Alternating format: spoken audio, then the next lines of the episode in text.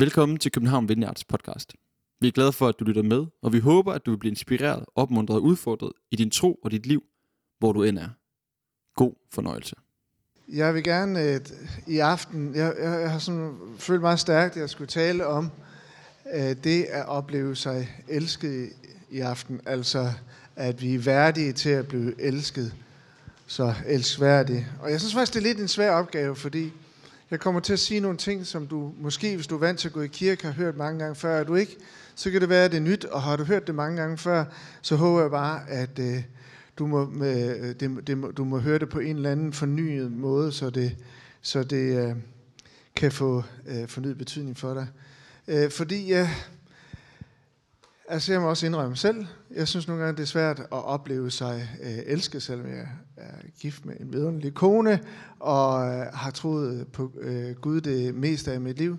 Så er det svært alligevel nogle gange simpelthen bare at bevæge sig i den kærlighed og dagligt minde mig selv om, jeg er helt vildt elsket af Gud, i, også når jeg, når jeg knokler, når jeg slapper af, når jeg ser Netflix. Jeg er bare elsket af Gud. Øh, for nylig så, så jeg et øh, klip fra en serie, der hedder De dyre piger. Er der nogen af jer, der har set den? Ja. Altså, man bliver jo bare fuldstændig fanget. Jeg vil, jeg vil se den anden gang, helt serien. Nej, det passer ikke. Men der føler man, at for dem af jer, der er gået glip af det, så føler man fem kvinder, som har virkelig trang til dyrt designertøj, ekstravagante skønhedsbehandlinger og oplevelser, og det skal alt sammen ud på medierne. Og det klip, jeg så, det var en, det var en pige eller en kvinde, som hendes, hun skulle bare have en ny taske, og så var lykken gjort. Altså lige en bestemt taske. Og så var alt alligevel jo ikke perfekt. Øh, og al den her perfektionisme har jo en alvorlig bagside, fordi det perfekte, det er simpelthen uopnåeligt. Og bagsiden af al den her opstillede, glamourøse øh, forside, den kan være fuld af præstationsangst, ensomhed og dårlig selvværd. Det er næsten lige meget, hvad vi føler i vores liv, så er det bare svært. Det kan godt være, du kan da være øh, ensom, selvom du ikke er alene. Altså, der er nogen, der vil mene, at vi lider alle sammen af et forladthedstraume, fordi dybest set, så mangler vi Gud i vores liv til øh, at elske os. Der er også en undersøgelse blandt øh, skolepiger i 9. klasse, der viser, at øh, over halvdelen af dem er utilfredse med deres liv. Man går i 9. klasse er et ung menneske utilfreds med sit liv, øh, oplever hver uge, at de er ked af det, hovedpine, nervøsitet og har svært ved at falde i søvn. Og det er slet ikke kun unge piger, der rammes. Øh, for hvem kan se sig fri for at ønske sig anderledes? Må ikke du og jeg også på et eller andet tidspunkt har tænkt, hvis det bare var lidt anderledes, jeg så lidt anderledes ud, måske jeg var lidt tyndere og lidt stærkere, ja, kunne jeg godt tænke mig at være en lille smule højere, øh, for eksempel. 1,71, en halv. Men sådan er det. Øh, sådan er det. Øh, man kunne altid tænke sig et eller andet mere smuk nok, god nok, et eller andet nok, som i virkeligheden aldrig er nok. Jeg ved ikke, hvad du tænker om dig selv, når du kigger i øh, spejlet. Øh, hvis du da kigger i det, tænker du, når du ser dig selv, jeg er bare unikt øh, skabt. Der, der er simpelthen ikke nogen som mig. Guds perfekte kunstværk. Øh, Gud, du har overgået dig selv. Tænker du sådan, når du kigger i spejlet? Eller tænker du, når du øh, bliver nødt til at opretholde den disciplin og se på dig selv en gang imellem i spejlet, tænker du så bare, der er heller ikke noget nyt i dag. Jeg bliver simpelthen nødt til at leve med det. Der er så meget, jeg gerne vil lave om på, øh, men øh, det kan jeg bare ikke. Øh, øh, jeg må simpelthen bede Gud om fortrængningens nådegave, så jeg glemmer, at jeg ikke ser ud, som jeg gerne øh, vil se ud. Jeg tror, de fleste mennesker de har et bud på, hvad de, øh, på et eller andet, som de gerne vil lave om på, når, de, øh, når, når man ligesom ser på sig selv, eller også måske endda i sin adfærd. Det kan være mange ting. Man kan også nogle gange, jeg ved ikke, altså nu nævner jeg bare nogle ting, men jeg, har du nogensinde prøvet at sidde i et større selskab, og så, øh, og så føle sig usynligt? At alle snakker med hinanden, men øh, bare ikke lige med dig. Altså hvor man tænker, jeg er lidt ved siden af, jeg er lidt anderledes. Øh, giv det var anderledes. Øh, det kan da være, at du har været her ved kaffepausen her i kirken og tænkt, det her det er virkelig svært. Øh, Det kan være, at du, øh, du tænker, at dit liv i det store hele er lidt gråt i gråt, lidt kedelig arbejde måske, eller øh, ja, du kan selv gøre listen færdig med ting, du kunne tænke om dig selv, som du gerne ville skulle være anderledes. Jeg tror, vi har nogle ting hver især. Det kan være, at du har indgået et kompromis med dig selv om, at øh, du bliver nødt til at have en tålelig tilstand, altså med dig selv. Du kan ikke holde til at gå og slå dig selv oven i hovedet på de ting, som du ville ønske var anderledes. Du indgår en øh, våbenhvile med din selvkritik, og så er der tål samvær med dit selv, med dit selvbillede. Øh, fordi du et eller andet sted, så er du jo tvunget til at acceptere dig selv, som du er på en eller anden måde.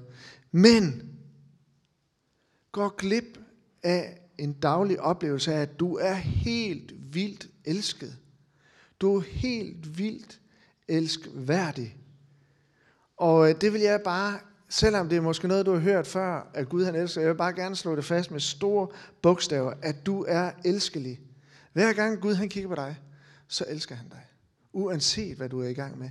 Han elsker dig af hele sit hjerte. Og han længes, Jesus længes, det skal se, Jesus længes efter, at du helt ind i dybet af, af dit indre må forstå, at du er elsket. Det er den første sandhed om dig. Og det er bydende nødvendigt, vil Jesus mene, at vi forstår hans kærlighed. Og mit håb det er, at i dag, når du går ud af døren her, så vil du holde fast i, at du er elskværdig, og tro på, at, øh, at vælge at lade dig elske mere end før. At du vil lade dig finde Guds kærlighed, at du vil se dig selv på en ny måde. At det her med hans kærlighed, det er virkelig ikke noget, du skal fortjene dig til. Øh, det, er, det er dig givet.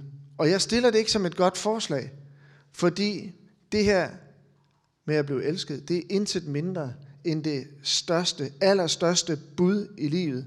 Og det er meningen, det skal bringe en spirende glæde, fred ind i din hverdag. Jeg tror, der er så mange bekymringer, vi vil øh, kunne slippe, hvis vi virkelig oplevede os elsket.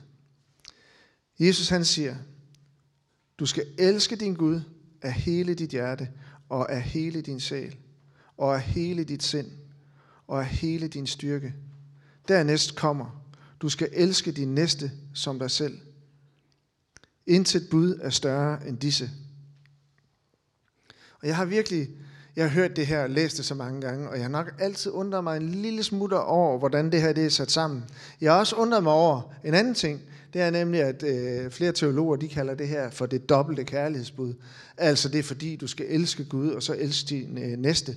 Men jeg synes da, at vi ser sådan et trippel kærlighedsbud her. For udover at du skal elske Gud og elske din næste, så skal du også elske dig selv. Jesus han siger det, du skal elske din næste som dig selv. Så hvordan skal vi forstå det? Og hvor skal trykket i sætningerne ligge henne? Er det på Gud, trykket skal ligge? Er det på din næste? Eller er det på dig selv? Vi kan nok hurtigt blive enige om, at det er rigtigt at elske sin næste, elske den anden. Men hvor starter kærligheden henne? Øh, begynder den i bevægelsen ud af, altså, eller begynder den hos næsten? Er det der ved at elske min næste, jeg elsker mig selv? Eller hvordan hænger det sammen? Jeg har nogle gange sådan tænkt lidt, at så smukt som det står beskrevet her, så står selvkærligheden øh, lidt i skyggen af kærligheden til Gud og min næste. Men det er nok bare mig, der læser det sådan.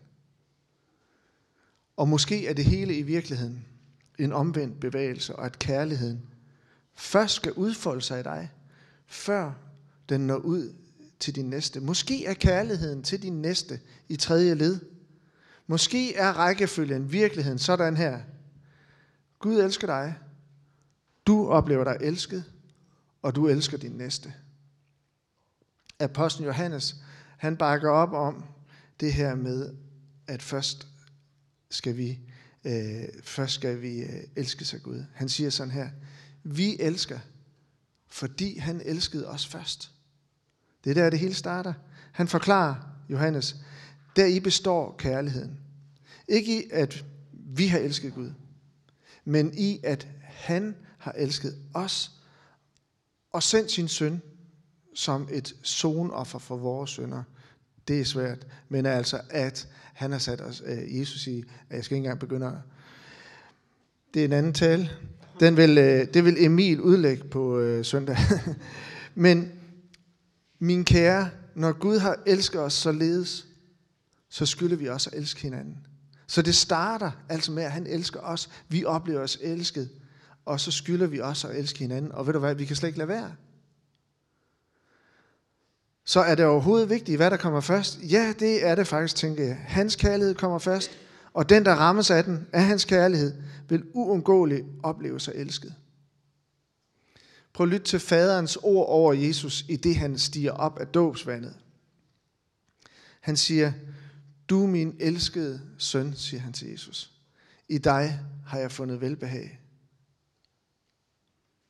Og der tænker jeg, måske er det nok lige, fordi Jesus han var lidt særligt. Men, og det var han også, men den her kærlighed, den gælder også dig på samme måde. Han siger til dig, du er min elskede søn, du er min elskede datter. I dig har jeg fundet velbehag. Oplever du Guds velbehag over dit liv? Jeg tror, vi har, øh, i hvert fald jeg, nogle gange overser jeg lidt alvoren i, i selvkærlighedens bud. Jeg ved ikke, om det er det rigtige ord, men altså, vi skal elske os selv. Og Jesus, han byder dig og mig, at vi skal elske os selv. Men ikke uden, at han med sin overvældende kærlighed først har åbnet vores hjerte og øjne for vores elsværdighed. Jeg læste et sted om de kristne i kirkehistorien, at kirkehistorien var fyldt med hængehoveder, som klynkende trækker sig rundt i livets jammerdal, mens de banker sig selv og de andre oven i hovedet med Bibelen. Og det kan godt være, at det nok har været sandt fra tid til anden. Øh, men det her er bare så vigtigt. Jesus er indtrængende. Han ønsker at fortælle dig, at han elsker dig. Og erfarer du din elskværdighed, Oplever du dagligt, at Guds fader, øh, oplever du dagligt Guds faderlige kærlighed øh, mod dig, som lyder, du er min elskede, i dig har jeg fundet velbehag. Tænk så, at du kan stoppe op flere gange om dagen i det, du er, har gang i, og så kan du tænke, jeg har det velbehag lige nu, far. Jesus, du elsker mig. Midt i det, selvom jeg er irriteret, selvom jeg er fortravlet, selvom jeg er doven, eller hvad det nu er i dag. Han elsker mig. Han er velbehag i mig. I Johannes 15, der virker det som om, et andet skrift, der kommer her, der virker det som om, at, at Jesus er så intens om med at få det her budskab frem, at han bønfalder sine disciple om at blive i hans kærlighed. På en meget personlig måde. Som faderen har elsket mig, har jeg også elsket jer. Bliv i min kærlighed. Hvis I holder mine bud, og det største, det er jo det her kærlighedsbud, elsk Gud, og det er næste som os selv. Hvis I holder mine bud, vil I blive i min kærlighed. Jesus her deler sin erfaring med at være fyldt af faderens kærlighed.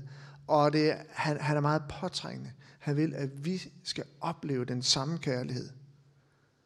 Så det er meget, det er meget pågående ord, det her jeg har måske sagt det før, men jeg har en, en ven i Finland, der hedder Ari, som, som er præst i en vineyardkirke deroppe, og han går altid og spiller lidt smart med, at han har lært dansk og siger, ja, jeg elsker dig, siger han så, og går rundt og siger det til alle mulige, når han er i Danmark. Og det har jeg sagt til ham, det kan du ikke gå rundt og sige, jeg. Det ender galt, det der. For det er, næsten derfor intimt. Altså det. Men det her, Jesus, han er virkelig bønfaldende, han er indtrængende. I skal opleve den samme kærlighed, som jeg oplevede fra min far. Han bønfalder os om at lade os elske og beder til faderen om, at vi må opleve den samme kærlighed. Far, jeg har gjort mit navn kendt for den, og vil gøre det kendt for, at den kærlighed, du har elsket mig med, skal være i dem, og jeg i dem. Så der er ingen af os her, der er på reserveholdet, uanset hvad du tænker om det, du har gjort og ikke gjort i dit liv. Du er på samme hold som Jesus. Du er genstand for samme mål af kærlighed. Der er et lille græsk ord her, der bliver brugt som øh, det, der hedder som, som faderen har elsket mig. Det, hedder, det er et græsk ord, som betyder i virkeligheden lige så meget som, eller i samme målestok, katos. Så, så det som, det rummer altså, at du skal elskes lige så meget som ham. Så faderens kærlighed mod Jesus, det er kilden, det er standarden for faderens kærlighed mod disciplerne, mod os. Lige så meget som. Og så siger han videre, Jesus, bliv i min kærlighed. Det har jeg også tænkt lidt over. Øh, det kommer et græsk ord, der, øh, øh, det er lige meget, hvordan det udtales. Men det er altså, der er tale om en gensidig tilstand, hvor vi bliver i hans kærlighed, og hans kærlighed bliver i os. Og det samme ord der, meno, det, det bruger han 11 gange i Johannes 15. 11 gange. Bliv i min kærlighed. Det understreger vigtigheden at den her tilstands, kærlighedstilstandens gensidighed. Så det begynder med, at hans kærlighed invaderer os. Øh, hans kærlighed, det overvælder os. Det, det besejrer alle tanker om skyld, skam, det øh, det, det, det er og selvfordømmelse. Og så kan du komme ind i en gensidig kærlighedstilstand, hvor Gud elsker dig, og hvor du elsker ham tilbage.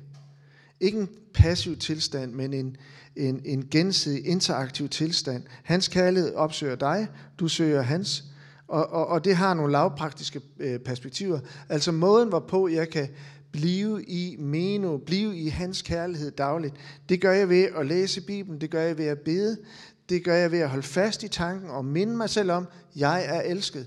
Også når der er modgang, også når det øs regner, og jeg synes, det her, det er altså virkelig op ad bakke livet lige nu. Du elsker mig. Det står fast. Og, og jeg har dit velbehag.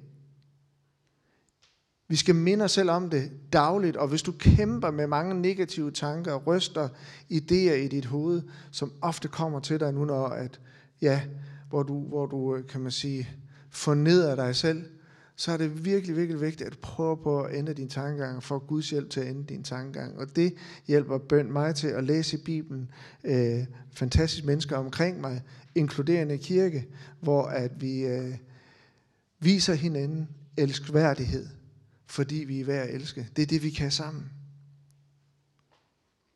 Det betyder også på en eller anden måde, at hvis du er hård ved dig selv, så må du give altså plads til en større egenomsorg. Gør noget, der er godt for dig selv, fordi han elsker dig. Han vil have, at du skal have det godt.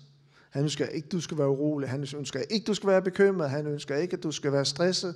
Han ønsker ikke, at du skal gå og tænke øh, eller kæmpe med perfektionisme. Han vil have, at du har det godt. Så nogle gange, så at drage omsorg for dig selv og gøre noget godt for dig selv, øh, det har Guds velbehag.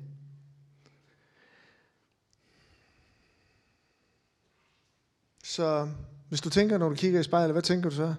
Det ser ikke for godt ud, det der. Så mind dig selv om, du er bare elsket. Og det gælder ikke kun spejlet på væggen, men også dit indre spejl. Jeg vil virkelig opmuntre dig til at søge ham, hans hjælp og hans kærlighed, hans velbehag, som er i stand til at befri dine negative tanker om dig selv. Leve et liv i den frihed, som kun den elskede finder. Et liv i fuldstændig frihed, glæde og håb. Jeg har nævnt det før, men jeg gik til en psykolog, som, da, da han havde lyttet til mig nogle gange, og så sagde han, Flemming, jeg er ikke helt sikker på, at du har forstået det her. Jeg er ikke helt sikker på, at du har forstået korset. Fordi jeg kæmper noget med noget øh, perfektionisme, eller øh, ja, noget jeg svært ved nogle gange at, at, at helt bære over med mig selv. Og der giver det ro at føle sig, opleve sig elskværdig. Det bringer frihed og på en anden måde, end når vi søger bekræftelse af vores omgivelser. Jeg har virkelig personligt så meget brug for at leve og lære at leve som et elskværdigt menneske. At leve som den elskværdige må tage form i alt, hvad jeg siger og gør. Og så længe jeg lader min fejl stå i vejen for at leve som et elskværdigt menneske, så kvæler jeg det uudgrundelige mysterium, at Gud er elskende. Jeg har sådan brug for at finde frem til det liv, der leves i et uophørligt ja til, at jeg er den elskede. For enhver, der lytter for meget til indre negative stemmer, enhver, som kæmper med sit øh, selvværd, enhver, der er fanget i sammenligningens forbandelse. enhver, der er plaget af selvbebrejdelser. enhver, der kæmper med sin egen mislykkethed. enhver, der drives af præstation. Så er de her ord nogle af de mest helbredende, tænker jeg. Du er min elskede datter. Du er min elskede søn. I dig har jeg fundet velbehag. Der er et, et citat her, som jeg lige vil læse, øh, og som jeg desværre ikke havde evner nok til at oversætte, og ikke noget at få en anden til. Henry Nuven. Igen årene er jeg kommet, for, øh, er jeg kommet til at se, at den vanskeligste fælde i vores liv ikke er fremgang, popularitet eller magt, men selvforagt. Fremgang, popularitet og magt kan virkelig udgøre vanskelige fristelser, men forførelsen ligger ofte i, at de indgår i den meget større fristelse, at underkende sig selv. Når vi begynder at tro på stemmerne, som siger, at vi er værdiløse og ikke værd at elske, så ser vi let, så ser vi let fremgang, popularitet og magt som nogle lokkende løsninger. Og det gør vi jo. Altså, man tænker, hvis ikke, hvis ikke man virkelig føler sig elsket, eller lader Gud styrke ens det, det, det ægte selvværd, så tager, og der er et hul indeni, så tager man alle sine gaver og evner, og det jeg er god til herover, og så tænker jeg, jeg tager den her bakke af alle mulige gode ting, og så fylder jeg det ned her i mit, i mit uh, hul, hvor at jeg ikke har selvværd. Og jeg kan fortælle, at det regnestykke kommer aldrig nogensinde til at gå op. Du kan aldrig nogensinde komme til at tage en ting, du er god til, og så sige, derfor så er jeg elsket, derfor er jeg god nok. Det er et regnstykke, der aldrig går op. Måske så er du på en skattejagt, som handler om, at du har en drøm, det rigtige menneske skal bare dukke op i mit liv, så vil jeg føle mig elsket. Eller den rigtige ting, den rigtige begivenhed, øh, den rigtige eksamen eller det rigtige job, som giver dig den her endelige følelse af, nu er jeg god nok, jeg er elsket. Bare den her romantiske drøm og gå opfyldelse, en relation, noget som virkelig vil fylde min dybeste længsel og få mig til at føle mig elsket. Og det er alt sammen gode ønsker for sit liv. Men din rejse, den starter et andet sted. Og der er det, Bibelen siger, at Jesu død, også som vi har sunget om, som Emil sagde i nadvaren, Jesu død på korset, det er fundamentet for faderens kærlighed. Korset, det er elskværdighedens akse, hvorom det hele drejer. Paulus skrev til Korintherkirken. Han skrev en masse ting til den. Og så siger han, og det står frem, det lyser i, i, i kapitel 2. Og, og jeg havde besluttet, at jeg hos jer, dengang jeg var hos jer, ikke vil vide af andet end Jesus Kristus og det som korsfæstet.